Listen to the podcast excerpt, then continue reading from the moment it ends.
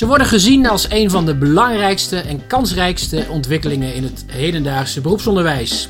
Hybride leeromgevingen op het grensvlak tussen school en de beroepspraktijk. Het is de eerste themapagina op onderwijskennis.nl die over het MBO gaat.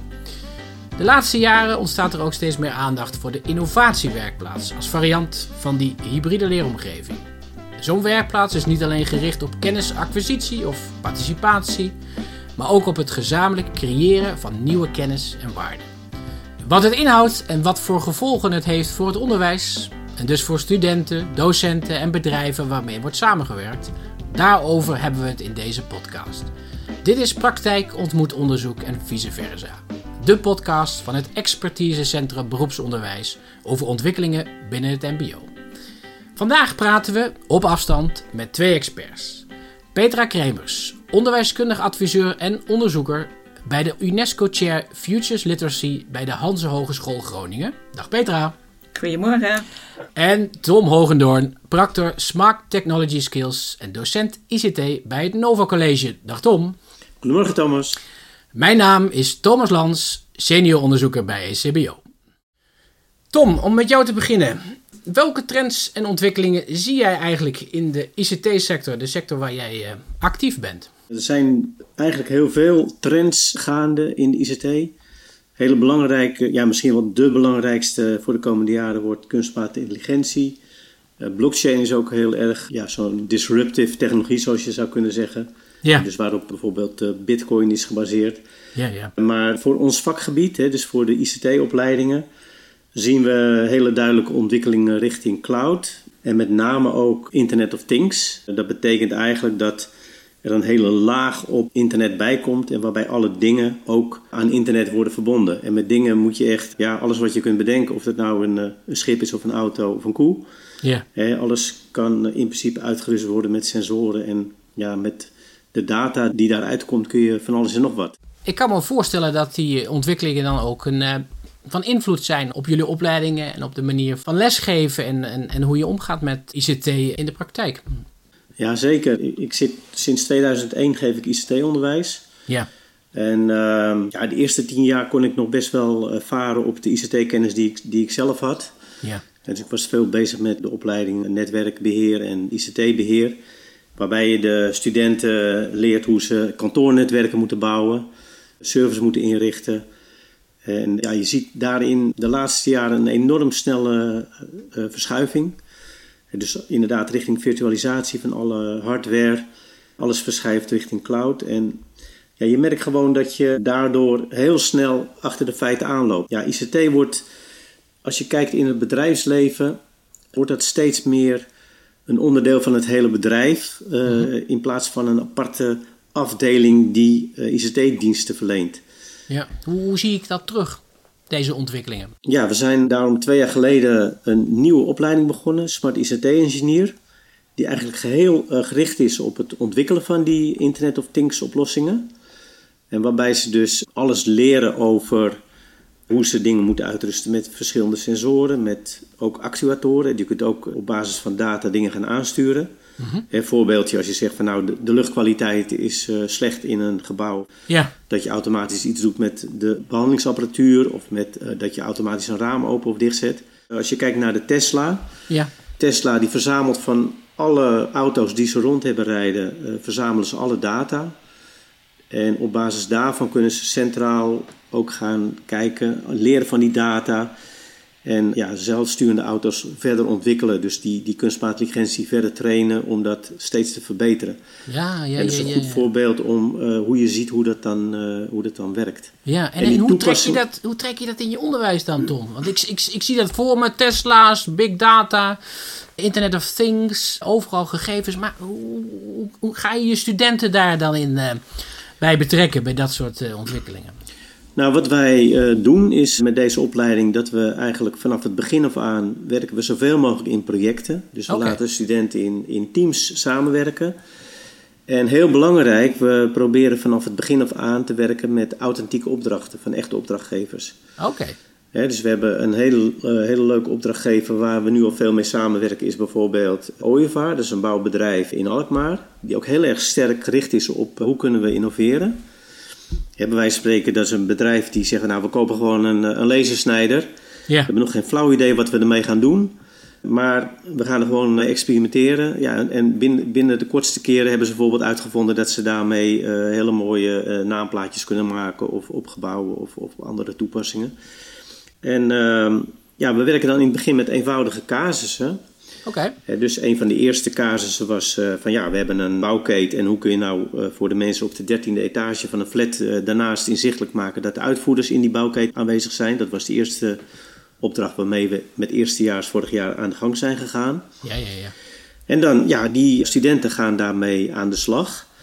En daarbij is dus heel belangrijk eigenlijk dat je nog niet te veel vastlegt als docent ja. wat er dan uit moet komen. He, dus Okay. de ene verzint een oplossing met Bluetooth en de andere met NFC of met uh, RFID-technologie. Ja, dus je kunt met verschillende type sensoren dit probleem oplossen. Ja, ja, ja. ja. En je weet dus nog niet van tevoren uh, wat ze gaan kiezen daarvoor en ook wat ze, met welke oplossing ze komen. En dus eigenlijk ook nog niet vooraf helemaal precies wat ze gaan leren. He, dat, Ja, dat ga je dan achteraf kijken wat ze geleerd hebben Ja. en hoe ze dat geleerd hebben. Dus authentieke opdrachten. En wat voor methoden of methodieken of leeractiviteiten gebruik je daar dan bij, Tom? Een heel belangrijk onderdeel wat we al uh, nu vijf jaar doen met bedrijven zoals uh, PWN, dus het waterbedrijf in onze regio, maar ook met bijvoorbeeld uh, de Hartenkampgroep, gehandicaptenzorg en Le Petit, dat is kinderopvang, houden we megatons. En dat zijn eigenlijk... Megatons? Sorry? Ja, Megatons zijn eigenlijk uh, driedaagse events. Beetje afgeleid van de hackathons. Hè? Ja, de, in ja, ICT ja, ken ik wel, ken je uh, wel de hackathons. hackathons. Ja, ja. waarbij ze drie dagen opgesloten zitten met cola en met pizza. En dan allerlei moeilijke problemen kraken. ja, En dit is vergelijkbaar. We, we hebben het alleen megatons genoemd. ja. Uh, omdat er ook echt wat gemaakt wordt. Dus er zit echt een heel belangrijk onderdeel in voor maakonderwijs. Ja, En wat we doen is drie dagen lang zijn we met studenten van verschillende richtingen. Ja. Hè, dus uh, bijvoorbeeld voor de, als het een zorgtechniek megaton is, uh, samen met de Hartenkampgroep en Le Petit, dan hebben we drie dagen lang studenten van zorg en ook technologie bij elkaar. oké. Maar ook van verschillende niveaus. Meestal zitten er VMBO, MBO, HBO studenten bij. Oké. Maar soms zelf eh, studenten van het PO en van het WO-onderwijs. Ja, En we gaan dan ook aan de slag met authentieke casussen. En heel belangrijk is, is dat er allerlei materialen aanwezig zijn. Hè. Dus uh, al heel snel worden de eerste prototypes ontwikkeld met, met wijze van spreken karton en duct tape. En uh, na drie dagen zijn er vaak ook echt al uh, werkende prototypes waarin ook de nodige sensoren en elektronica en andere zaken zijn verwerkt. Oké. Waarmee je dan echt de klant kan laten zien wat het product gaat worden. Voordat je het helemaal gaat maken tot een compleet product. Ja, ja, nog even terug naar die megatons, Ja. hè? Ja? Dus, dus dat is niet alleen meer klassikaal en, en disciplinair, maar dat is zelfs interdisciplinair en ook zelfs tussen niveaus, als ik het goed begrijp, eh, Tom. Ja, ik, ik noem het multidisciplinair, zowel tussen verschillende opleidingen Ja, en eigenlijk ook tussen verschillende niveaus. En de- dat is ook eigenlijk een afspiegeling van de werkelijkheid. En worden die producten dan ook gebruikt, Tom? Eh, want er komt, eh, je zegt er komt een, een prototype uit, dat is eh, duct tape en wat versiersels. Worden die dingen dan ook verder ontwikkeld door die bedrijven, Tom? Jazeker, ik, ik moet wel zeggen dat daar een hoop tijd over gaat. Dus je- Ja. wat ik zie, de eerste megatons waren vooral heel veel mooie ideeën aan het bedenken. Ja, Maar je ziet dat de bedrijven die daaraan meedoen op een gegeven moment zeggen van ja, dat is wel leuk, al die mooie ideeën, maar nu willen we wel daarmee verder. ja, En dus je ziet bijvoorbeeld met PWN, met het waterbedrijf, dat we toen ook al vorig jaar een soort design sprint hebben gehouden, waarbij je de bestaande ideeën verder gaat uitwerken tot meer volwassen producten. ja. Eh, om een voorbeeld te geven, tijdens een megathon in 2019, toen was er een, eh, voor Le Petit, was er voor de kinderen die daar verblijven, een, een soort springmat bedacht. Ja, waarop je met smileys kunt eh, springen op van, eh, nou niet zo blij tot heel blij. ja, En dat zie je dan op het scherm. Dus aan de hand van vragen kun je zo op die manier van kinderen een beetje peilen in welke, ja, hoe, ze erin zitten. ja. Dat is een eh, product die hebben stagiaires, twee stagiaires hebben dat verder doorontwikkeld tijdens hun stage. ja. En toen was het nog niet helemaal af, dus dat hebben we ook als project verder opgepakt op school met de Ja. tweedejaars. ja. En dat is inmiddels wel een product wat nu redelijk af is. Oké, dus, er wordt, dus er wordt echt iets mee gedaan, eh Ja, ja eh. zeker. En, ja. ehm, Mooi. Ja, dus dat is een mooi voorbeeld dat uiteindelijk die methodiek wel eh, doorwerkt en dat je daarmee ook wel echt producten gaat maken die ook waarde hebben. Ja, En die ja, ook gebruikt gaan worden. ja, mooi, mooi. Maar dat, dat is wel een lange weg. Ja, begrijp ik. Ja. Want ik begrijp ook, Tom, dat jullie ook eh, daarbij methodieken van innovatieve bedrijven gebruiken hè, als, als werkvormen en als manieren om dit soort processen te begeleiden, toch? Als ik het goed Ja, heb. ja, zeker. Ja, we, ik werk heel, al een aantal jaren samen met het bedrijf Doen. Ja. Punt nu, dat is D-O-O-N. punt Nu, eh, met Berry Groenendijk. En Berry is heel veel bezig, ook inderdaad voor bedrijven, maar ook voor scholen, om te kijken welke soort methodieken worden nu eigenlijk gebruikt door innovatieve bedrijven. En kunnen we dat dan ver- vervolgens ook vertalen naar onderwijs? En je moet daarbij denken aan werkvormen, bijvoorbeeld voor teamvorming. Hoe kun je nou zorgen dat je echt een goed team vormt? Het inleven in de klant. Ja, Dus je moet je echt eh, kunnen verplaatsen in de klant. Daar zijn werkvormen voor. ja. En er zitten allerlei eh, design thinking werkvormen in. Oh ja. Waarbij je dus heel goed gaat kijken wat is nou eigenlijk het probleem. Het probleem goed uitdiepen. Ja, Met allerlei brainstormmethoden. En ook voor deelproblemen dan allerlei oplossingen bedenken. ja, Dus daar wil je heel erg het creatieve proces en ook het kritische denken eh, beïnvloeden of bevorderen. Ja, Daarnaast zijn ook projectmethodes zoals Scrum of Kanban wordt veel gebruikt ja, om dan echt tot eh, productie te komen. En uiteindelijk moeten eh, de studenten eh, ook zo'n product kunnen demonstreren en ook kunnen presenteren aan de klant. En ook daar zitten allerlei leervormen weer in ja, om tot een, tot een goede pitch te komen bijvoorbeeld en, en je product te verkopen. ja, ja, En het ja, vervolgens door te ontwikkelen. Dus daarin is uiteindelijk ook het, het bouwen van het prototype Ja, is een heel belangrijk middel om ja, met elkaar en ook met de klant te gaan praten van ja, je wil iets en, en voldoet dit nou wel? Of welke aannames zitten hierin die we nog moeten verbeteren? ja, dus al ja. die, al die processen die zorgen eigenlijk ook voor het, eh, ja, het, ook het aanleren van allerlei vaardigheden die studenten eh, in mijn optiek eh, steeds meer nodig hebben ook. Dus zowel inhoudelijk begrijp ik als procesmatig ben je met innovatie eigenlijk bezig eh, in je opleiding, Tom. Ja, ja klopt ja. ja. Ja, dan wil ik toch aan Petra eens even vragen vanuit het onderzoek. Hè. Wat, wat zouden we missen, Petra, als we het beroepsonderwijs, hè, wat zouden we missen in het beroepsonderwijs, moet ik eigenlijk zeggen, als we niet zouden aansluiten hè, bij die ontwikkelingen die, eh, die Tom schetst? Ja, ik denk dat je zou missen dat studenten echt leren om met samen te werken die andere achtergronden hebben, andere vakkennis. Ja, En ook bijvoorbeeld de klant of andere mensen die zeg maar als professional ook die producten maken. Dat is hele waardevolle kennis, vaardigheden. Maar wat het ook doet met de studenten is dat ze de waarde van hun eigen vak heel erg gaan zien. Ik heb studenten ook letterlijk horen zeggen van... Oh, ik, ik weet nu dat ik eigenlijk veel meer kan dan waar ik hiervoor opgeleid word. Het was een student fysiotherapie in een, eh, in een werkplaats. ja, Die zei van, goh, ik ben veel meer dan een fysiotherapeut, want ik doe hier ook hele andere dingen. Dus, dus de- eigenlijk twee dingen, die beroepsidentiteit wordt sterker. ja, ja, ja. Dan is de mbo'er, die heeft hele specifieke kennis. En die ervaart daar heel erg de, de waarde van zijn eigen vakgebied. En tegelijkertijd als zo'n student zegt van ik kan ook veel meer, want ik moet ook iets presenteren aan de klant en ik, ik weet niet wat voor andere vaardigheden ik nog allemaal ontwikkel. Mhm. Die zegt dan van ik ben ook nog veel meer, dus je hebt ook nog een bredere professionele identiteit. En ik denk dat die, die, dat voorbeeld wat eh, Tom ook gaf van die kennis die, eh, die in de praktijk zit, die je, gewoon, die, je kunt gewoon in die opleiding niet alle kennis hebben die op dit moment in de praktijk al ontwikkeld wordt. Ja, En daar hadden wij ook een voorbeeld van eh, in een werkplaats, ook met mbo'ers en hbo'ers. ja, Waar studenten een eh, mestvergister moesten... Ze moesten eigenlijk een boer adviseren wat voor mestvergister hij het beste kon nemen voor de kippenmest. ja, Want hij wilde graag stroom opwekken met eh, de kippenmest. Hm. Daar waren geen artikelen over, daar waren geen boeken over. En toen hebben die studenten allerlei bedrijven op internet opgezocht en hebben daar contact mee opgenomen en hebben ze daar het hemd van het lijf gevraagd over mestvergisters. ja. En op basis daarvan hebben ze die boer toen geadviseerd. Dus, dus die kennis die de opleiding niet gewoon. Ik denk ook niet dat je dat moet willen als opleiding. En dat kan ook gewoon helemaal niet. Nee. Maar gewoon echt de kennis uit de praktijk halen. Ja, ja, ja. Zeker bij die innovaties.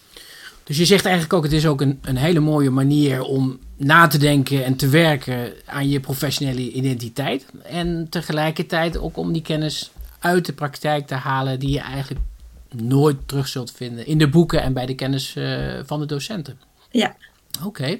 Nou, zo te horen heeft dit behoorlijke gevolgen voor studenten, docenten, onderwijsinstellingen, samenwerkingspartners, hè, zoals bedrijven en instellingen. Zullen we het daar ook nog eens eventjes eh, wat dieper over doorpraten? Tom, Wat beleeft nou eigenlijk zo'n student van zo'n innovatieve hybride opleiding tijdens zijn studie? Kun je daar wat voorbeelden van geven?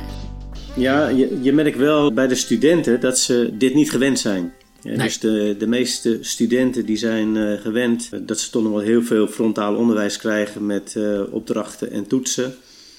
En ze komen nu ja, in een omgeving waar ze moeten samenwerken met anderen, heel veel. Du- Dus ook zelf veel meer dingen moeten uitzoeken. Ja, dat ze daar ook eh, zeker in het begin wel best mee worstelen. Ja, wat je altijd wel ziet. Dus dan, dan zie je in een projectgroepje dat er één of twee die zijn eh, lekker bezig en echt dingen aan het uitzoeken en aan het eh, maken.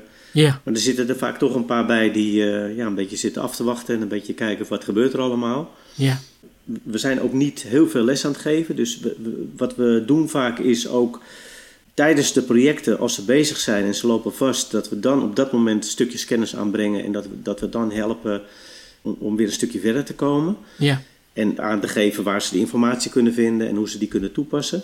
ja. Ja, dan hoor je ze af en toe eh, ook wel zeggen van, eh, kunnen we nou niet gewoon eh, les krijgen? en Ja, kun je het niet gewoon uitleggen? ja. En Dus dat, dan, daar zijn we ook wel aan het zoeken naar een goede mix en een goede, goede balans om ja. te kijken, kunnen we ja, ook, ook inderdaad gewoon als het nodig is dingen klassikaal uitleggen. Ja, ja. Want kun je een voorbeeld geven, Tom, van, van, van hoe dat dan, dat samenwerken en zo in, in zo'n projectgroep, waar dat dan heel goed gaat en, en waar dat dan minder goed gaat? Ja, ik merk wel waar het stagneert, is, is als ze niet zo goed weten wat er moet gebeuren. Ja, Of, of eh, dat ze niet zo goed weten waar ze vastlopen met hun kennis. ja, Maar soms ook heel banaal dat, dat, dat er geen spullen zijn.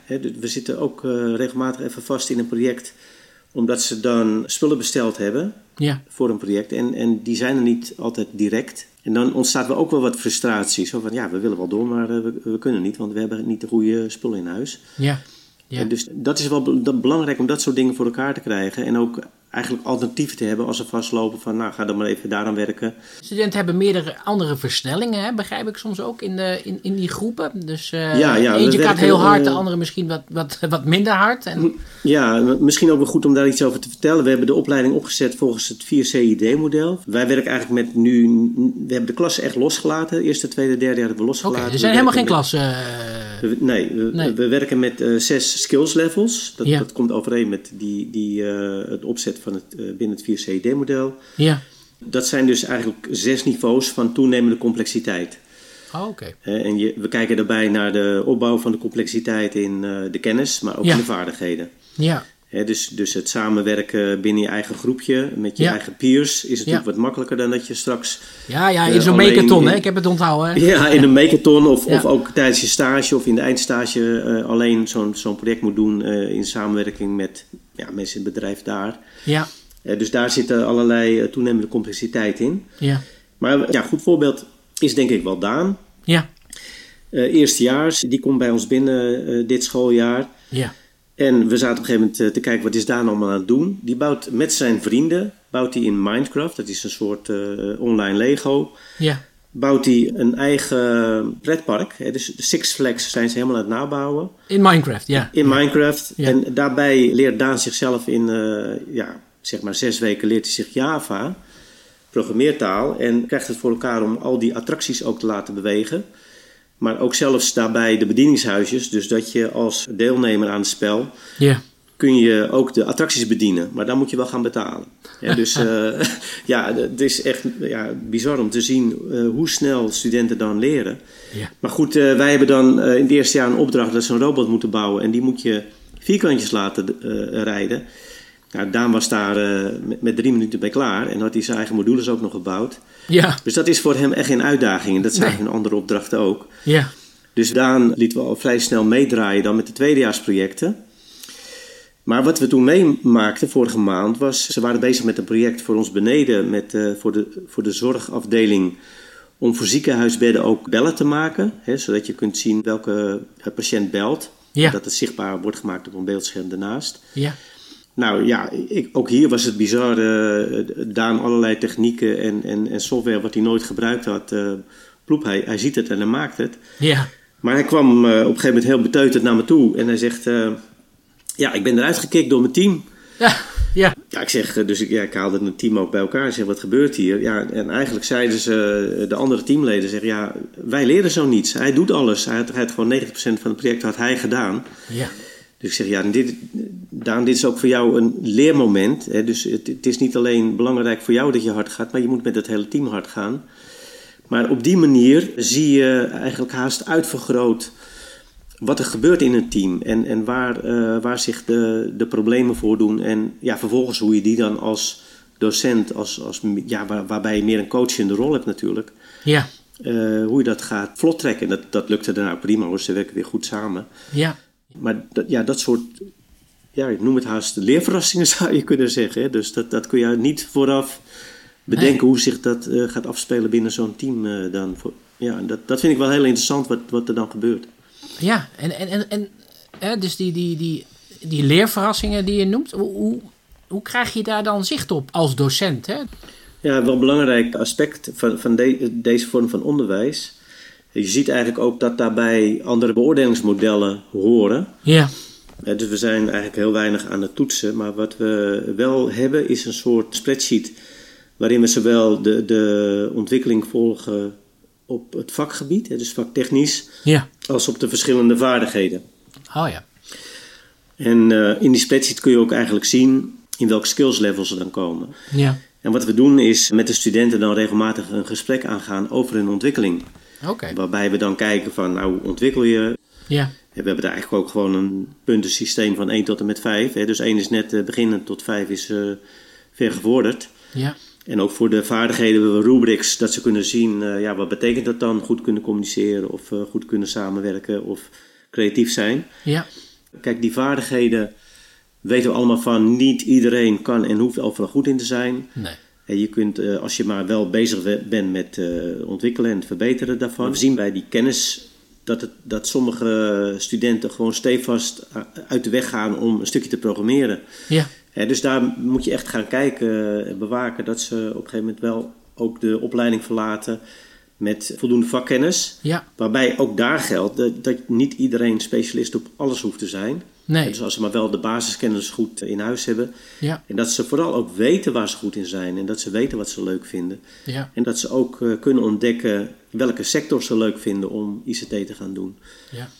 Dus, ja, ja, ja, dus, dus, ja. dus het, het, het uh, werken met leerverrassingen betekent niet dat je het allemaal maar moet loslaten en, uh, en duizend bloemen bloeien. Dus er is echt wel heel veel interactie om te kijken van hoe, hè, hoe gaat het met die kennisontwikkeling bijvoorbeeld bij deze ja. studenten. Ja. Zeg, zeg, Petra, is dat nou herkenbaar in jouw onderzoek? Hè, deze uitdagingen en de, de leerverrassingen, maar toch wel het, het sturen, hè, ook op die kennisontwikkeling? Ja, ik herken het zeker. En uh, wij hebben zelf ook geworsteld toen ik dat, de leeromgeving waar ik onderzoek deed. Ja. Daar, hebben we, daar was het nog diverser wat studenten allemaal leerden. Omdat ze van heel veel verschillende studierichtingen waren, verschillende niveaus. Ja. En hebben we ook geëxperimenteerd inderdaad met rubrics. Maar ook dat ze dat zelf in de gaten hielden. Wat ze eigenlijk voor hun project moesten leren. Ja. Maar om die zelfsturing, wat het dan is. Hè, of eigenlijk zelfregie vind ik eigenlijk een mooie woord. Ja, ja om dat goed te krijgen, dan heb je precies wat Tom zei. De studenten zijn het helemaal niet gewend. Nee. Dus nee. voor hen dus is Sommigen twijfelen hele... zelfs of het, of het kan, zeg? Ja, ja, ja, ja, inderdaad, op die leeftijd. Ja, ja. Dus je krijgt eigenlijk de paradox dat je de zelfsturing heel erg moet begeleiden. Moet sturen zelfs. Okay. Maar dat komt dus omdat het een hele nieuwe vaardigheid is. Dat was voor mij een eye-opener toen ik in de literatuur dook. Toen dacht ik, hoe kan dat nou? Dat je zoveel moet instrueren en begeleiden. Ja. Maar toen vond ik inderdaad een artikel over... ja, als iets voor, voor mensen compleet nieuw is... Ja. dus niet als ze het al een tijdje hebben gedaan... maar als het echt compleet iets nieuws is... Ja. dan moet je er in het begin echt, echt heel veel uh, aan begeleiden. En zo is bijvoorbeeld het samenwerken in die teams... en ook het samenwerken met mensen in de beroepspraktijk... dat hebben ze ook nog niet eerder gedaan, vaak. Nee. Nee. Dus dat is ook uh, gewoon vinger aan de pols houden bij die teams en ook veel coachen. Wat zie jij, Tom, als het, als het meest ingewikkelde voor studenten die in, de, in deze leeromgevingen terechtkomen?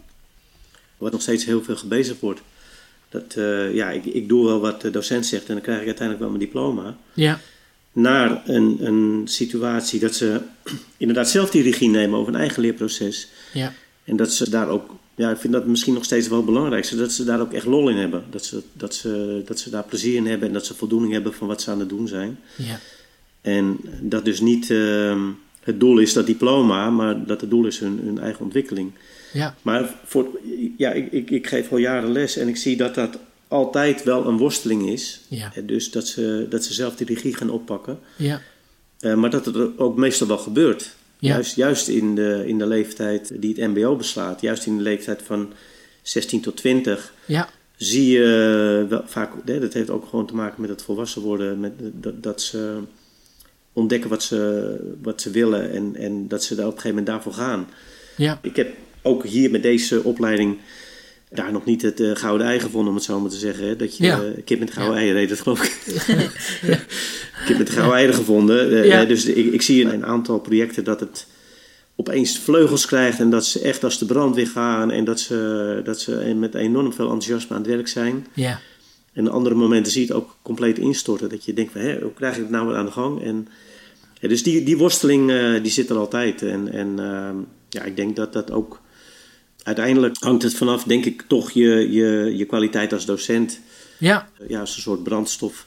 Ja. Dat, dat ze weer aan de gang blijven. Laten we daar eens eventjes over doorpraten. Wat vraagt dit, dit soort onderwijs nou eigenlijk van docenten en, en ook denk ik van het eh, bedrijfsleven? Tom, zoals je net aangaf, vraagt het om, eigenlijk juist om meer begeleiding in plaats van misschien wel minder. Dus hoe ervaren jouw docenten deze nieuwe opleiding? Hebben ze meer werkdruk, andere competenties nodig? Ik, ik, ik moet zelf zeggen, als, als ik kijk naar mijn eigen ervaring... Ja, dat het best intensief is. Dus ik, ik, ik, ik ervaar daarbij geen werkdruk, omdat ik het ontzettend leuk vind. Dit is eigenlijk het droomonderwijs wat ik al, al jaren wil. ja, Ja, dus dus eh, ik heb er zelf ook heel veel plezier in, om het zo maar te zeggen. ja, Maar wat ik wel lastig vind, is inderdaad om ja, bijvoorbeeld goed te bewaken. Dat al, wat ik net zei, eh, dat hele beoordelingsproces en, en ook alle, incident, alle studenten individueel aandacht geven en ook hun individuele ontwikkeling volgen, dat vind ik lastig. Om daar ook voldoende tijd voor te maken, want je wordt heel erg opgeslokt door het proces. ja, Ja, dus je bent eh, steeds in de klas bezig om eh, de teams te begeleiden, te kijken waar staan ze, waar lopen ze tegenaan, is dat eh, organisatorisch of is dat eh, vaktechnisch een probleem. ja, En verder moet ik zeggen, we hebben eh, nu voor de, de tweedejaars kwamen terug van eh, de stage eh, Ja. in maart. ja, En daar hebben we op een groot whiteboard geschreven alles wat ze hadden geleerd qua technologie, eh, qua sensoren, qua programmeertalen, eh, qua verschillende opdrachten, opdrachtgevers, casussen en vaardigheden. Mhm. En het hele bord staat dan bomvol. En dan, ja, wij zeggen ook, eh, mijn collega en ik zeggen ook tegen elkaar, dit gaan we nooit allemaal kunnen leren. We kunnen nooit al die verschillende technologieën, dat, dat zei Peter ook al, we kunnen nooit al die technologieën onderwijzen. nee, En we kunnen het ook nooit zo snel allemaal zelf in de vingers te krijgen. En tegen de tijd dat je het gedaan hebt, dan is het alweer veranderd. ja, Dan is, dan is het nieuwe alweer. ja, Dus ik denk dat dat ook het meeste vraagt van de docenten om daarin heel flexibel en ook open mee om te gaan. Ook ja, te durven herkennen, ja joh, zo, dit weet ik ook niet. We gaan samen naar kijken, we gaan het samen oplossen. ja, Maar dit moet ik ook nog leren. En dat Ja. gebeurt steeds vaker. en ik vind het ook zelf helemaal geen probleem. ja, Maar ik merk wel dat er eh, collega's zijn die, die daar moeite mee hebben. Die zeggen, ja, die wil altijd wel heel erg boven de stof staan. ja, En eh, dat moet je een beetje loslaten. En het is juist, denk ik, de kunst om het studenten dan elkaar te laten leren. Dat je zegt, ja, jij weet, jij weet nu zoveel van dit onderwerp. Ga het ook maar overdragen aan je medestudenten en ook aan ons dan. Ga maar zelf even een, een workshop houden. Dat kan natuurlijk ook. Ja, en, en zie, zie je verschil tussen collega's die zeg maar. eh, eh, we hebben natuurlijk veel te maken met zij-instromers hè, in, het, in het MBO. Ja, dus, dus collega's die uit het bedrijfsleven komen en zeg maar via die route, of jonge collega's, is. Ja, ja, klopt. Ja. Ja. Ik ben zelf zijnstromer. En als zijnstromer ken ik ook meer de, de oude eh, methodiek. Hè? Dus van, van gewoon opdrachten geven en toetsen en meer klassikaal onderwijs. Ja, Dus ik heb zelf in mijn hoofd best wel een hele draai moeten maken om nu eh, dit onderwijs eh, goed in de vingers te krijgen. ja, Ja, maar ik heb daarbij een eh, nieuwe collega, ook zijn stromer, Tiemen. Ja, en die doet dit gewoon eh, ja, haast natuurlijk. Hè? Dus zonder enig eh, probleem is hij heel goed juist in dit proces te begeleiden. ja. En, wat En- doet en hij hij- dan, hè, Tom? Wat doet hij dan waar jij dan misschien wel een beetje jaloers naar kijkt? hè? Ja, Zo ik denk natuurlijk. het belangrijkste is, is, wat hij heel goed doet, is, is constant kritische vragen stellen. Echt, Ja. echt de juiste vragen stellen. Hm. Door steeds die vragen te stellen, uh, laat je ook de studenten zelf nadenken over hoe ze iets kunnen oppakken of uh, oplossen. Nou, ik zie bij hem ook wel weer een valkuil dat hij soms te ver gaat in de hulp die hij biedt. Okay. Dus daar, daar, moet hij nog wat, wat meer evenwicht vinden. Je kunt het op een gegeven moment helemaal voor ze doen, maar dan. Je, het is vaak ook daar weer de balans dat je net genoeg ondersteuning geeft dat ze weer een stapje verder kunnen. Ja. Dus heel belangrijk is, is de, de, ja, heel goed kijken naar de student. Wat heeft hij nodig op dat moment? De persoonlijke begeleiding, aandacht voor de studenten, coaching en natuurlijk ook de vakinhoudelijke ondersteuning. Ja. Ja, ik, ik zie dus ook jonge collega's die dus net van de leraaropleiding komen. Ja. ja. Die dus eigenlijk ook toch wel weer opgevoed worden met veel oud onderwijs en veel oude uh, inzichten. Ja. Die helemaal niet zo goed aansluiten bij deze methodiek. Ja. Dus het, het, heeft niet zoveel met leeftijd te maken, denk ik, als Okay. wel openstaan voor dit soort uh, onderwijs. En ja, ik, ik, ik, ik, ik zie ook deze opleiding niet iets van, nou zo moet het of zo staat het. Maar dat we goed kijken van wat werkt nou precies en wat werkt niet. Ja. En ook daar op een onderzoeksmatige manier naar kijken. En dan uh, vanuit daar steeds proberen een steeds betere opleiding te creëren. Hè. Dus, dus in ieder geval zie ik wel uh, dat dit beter gaat aansluiten op wat, wat uh, studenten in de toekomst nodig hebben. Ja. En dat is niet alleen maar botte kennis, maar juist ook veel meer de, deze manier van samenwerken. En uh, Ja. met de klant kijken wat, wat heeft de klant nodig en daar een goed Ja. product voor maken. Ja. Misschien ook wel een leuke vraag voor Petra. Zijn er meer praktijkvoorbeelden, hè? Dus, dus dit soort innovatiewerkplaatsen, waar onderzoek naar gedaan is of nog steeds gebeurt en waarbij je weet wat succesvol is. Er zullen ook ongetwijfeld praktijken mislukt eh, zijn. Eh, wat is daaruit geleerd? Ja, ik heb zelf onderzoek gedaan naar één innovatiewerkplaats. Oké. En daar hebben we zeven principes uit afgeleid. En eigenlijk kwam dat omdat we voor de subsidiegever moesten zeggen wat de werkzame elementen waren in onze leeromgeving. Oké. En uiteindelijk kwamen we erop, ja, kritische succesfactoren. Uh, toen, toen, toen ik eigenlijk onderzoeksmatig ging kijken, toen kwam ik op zeven ontwerpprincipes. Dus dan ging het eigenlijk over ontwerponderzoek. En het zijn dus eigenlijk achterliggende ge gedachten of ideeën of concepten die, die helpen Ja. zodat die leeromgeving werkt. En één daarvan die is wel leuk om te noemen, omdat Tom zei van, uh, Ja. dat uh, sommige docenten niet gewend zijn om het niet te weten. Dat is vorm een lerende gemeenschap. Dus als je allemaal lerend instapt, dan leer je ook van elkaar. Ook stu studenten die dingen weten die anderen niet weten, die kunnen zij weer inbrengen. Dus iedereen leert met en van elkaar. En iedereen op zijn eigen niveau en op zijn eigen interessegebied of wat, wat die te leren heeft. Ja. Dus zo kunnen die principes helpen om te bedenken waar jouw leeromgeving het goed op doet.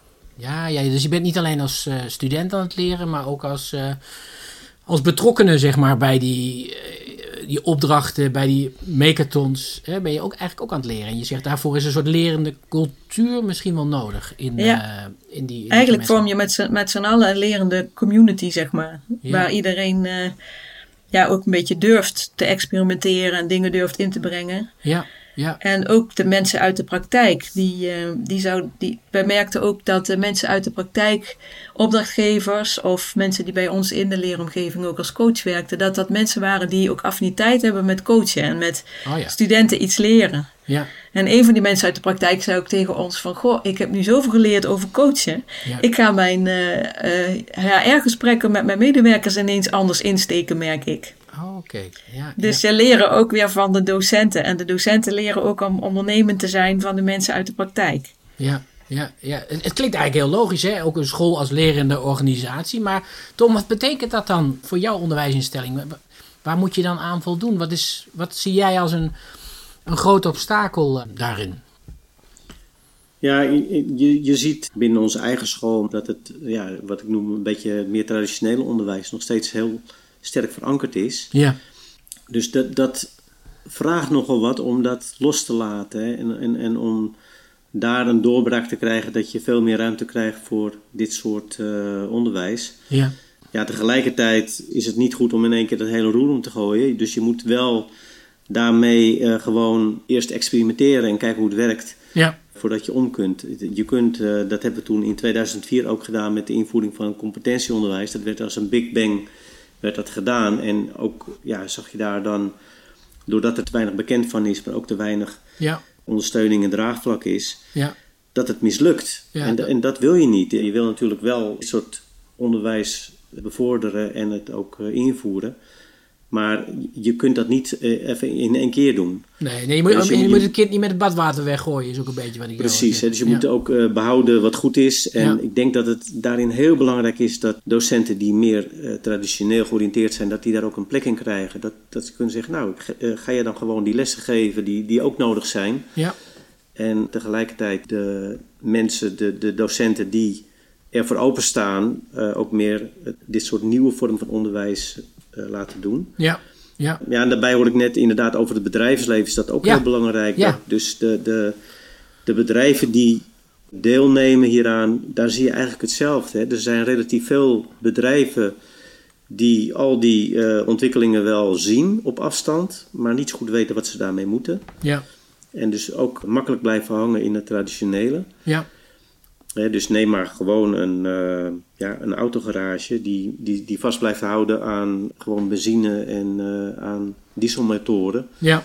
En niet meegaan met ook hybride auto's of, of elektrische auto's. Ja, dan vroeg of laat houdt je bedrijf op. Maar je, ja, wat ik al noem, bedrijven zoals Ooievaar, een bouwbedrijf, eh, die gaat daarin, ja, die staat een beetje voorop daar, om het zo maar te zeggen. ja. ja. En, en daarin herken ik ook wel, daar zitten dan ook mensen in, in zo'n bedrijf die het heel leuk vinden om met onderwijs samen te werken. Die, Ja. die, die zeggen, ja, joh, eh, vraag ons maar het hem van het lijf. We komen wel presenteren. We, we, we gaan, eh, al die teams gaan we de presentaties aanhoren. ja. En geven daar goede feedback op. Dat vraagt wel iets ook van je als bedrijf. En ook me- de, de medewerkers van bedrijven, hoe die daarin staan. Ja, ja, dus die, die, die, die lerende cultuur of hè, die eh, lerende gemeenschap vraagt om aan de ene kant ook op een soort van reflectie van eh, eh, behoud het goede en kijk wat er, wat er nodig is. Ehm, maak gebruik van elkaars eh, talenten. Hè. Niet iedereen hoeft daarin mee te gaan. En ga op zoek ook naar de ondernemende mensen die de ruimte willen en kunnen nemen om te experimenteren. En doe daar dan ook onderzoek naar, zodat je ook weet dat je de juiste dingen doet. Misschien tot slot ehm, een soort van di- disclaimer. Hè? Wat, wat, wat maakt innovatiewerkplaatsen nu zo anders dan zeg maar de reguliere of, of normale le- eh, hybride leeromgevingen? En, en waarom zou je er nou vooraf wel of juist vooral niet aan moeten beginnen? Nou, misschien twee dingen. Dat iedereen die erbij betrokken is, eigenlijk de principes weet die erachter zitten, of de achterliggende gedachten. Dus dat je op één lijn zit en dat je snapt wat je aan het doen bent en waarom je dat aan het doen bent. Ja, ja, ja. En misschien nog een andere, eh, werk eerst ook wel heel goed aan de beroepsidentiteit van studenten.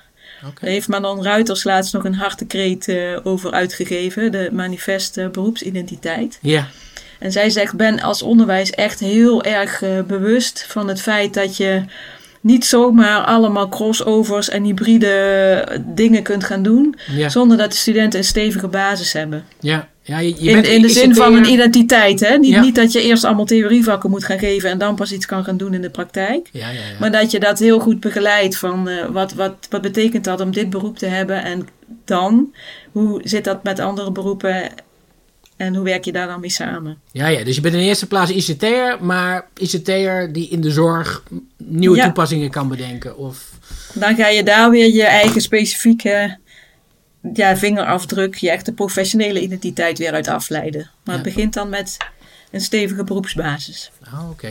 Eh, Tom, vanuit jou, wat, wat is jouw takeaway eh vanuit jouw ervaringen op dit moment?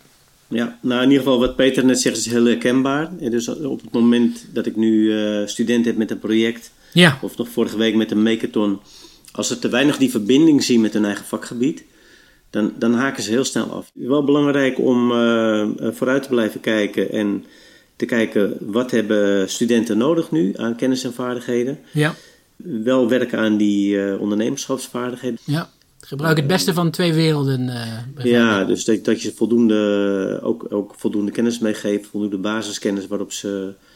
eh, dus, dus dat ze ook ruimte hebben om zich te ontwikkelen op andere gebieden ja, vanuit die basiskennis. Ja, verder eh, natuurlijk gewoon zorgen dat het eh, vooral heel leuk wordt ook voor studenten. Dat, het, eh, dat, je, dat, ze plezier hebben om naar school te gaan. Dat vind ik altijd wel, eh, misschien de belangrijkste uitdaging. Ja, precies. Zeg, uh, Tom, um, leerverrassingen, beroepsidentiteit. Het klinkt allemaal nog, laten we zeggen, onzeker. Hoe waarderen dan studenten en bedrijven eigenlijk die, het diploma? Wat, wat betekent dat diploma? Welke waarde heeft, die, heeft dat diploma dan?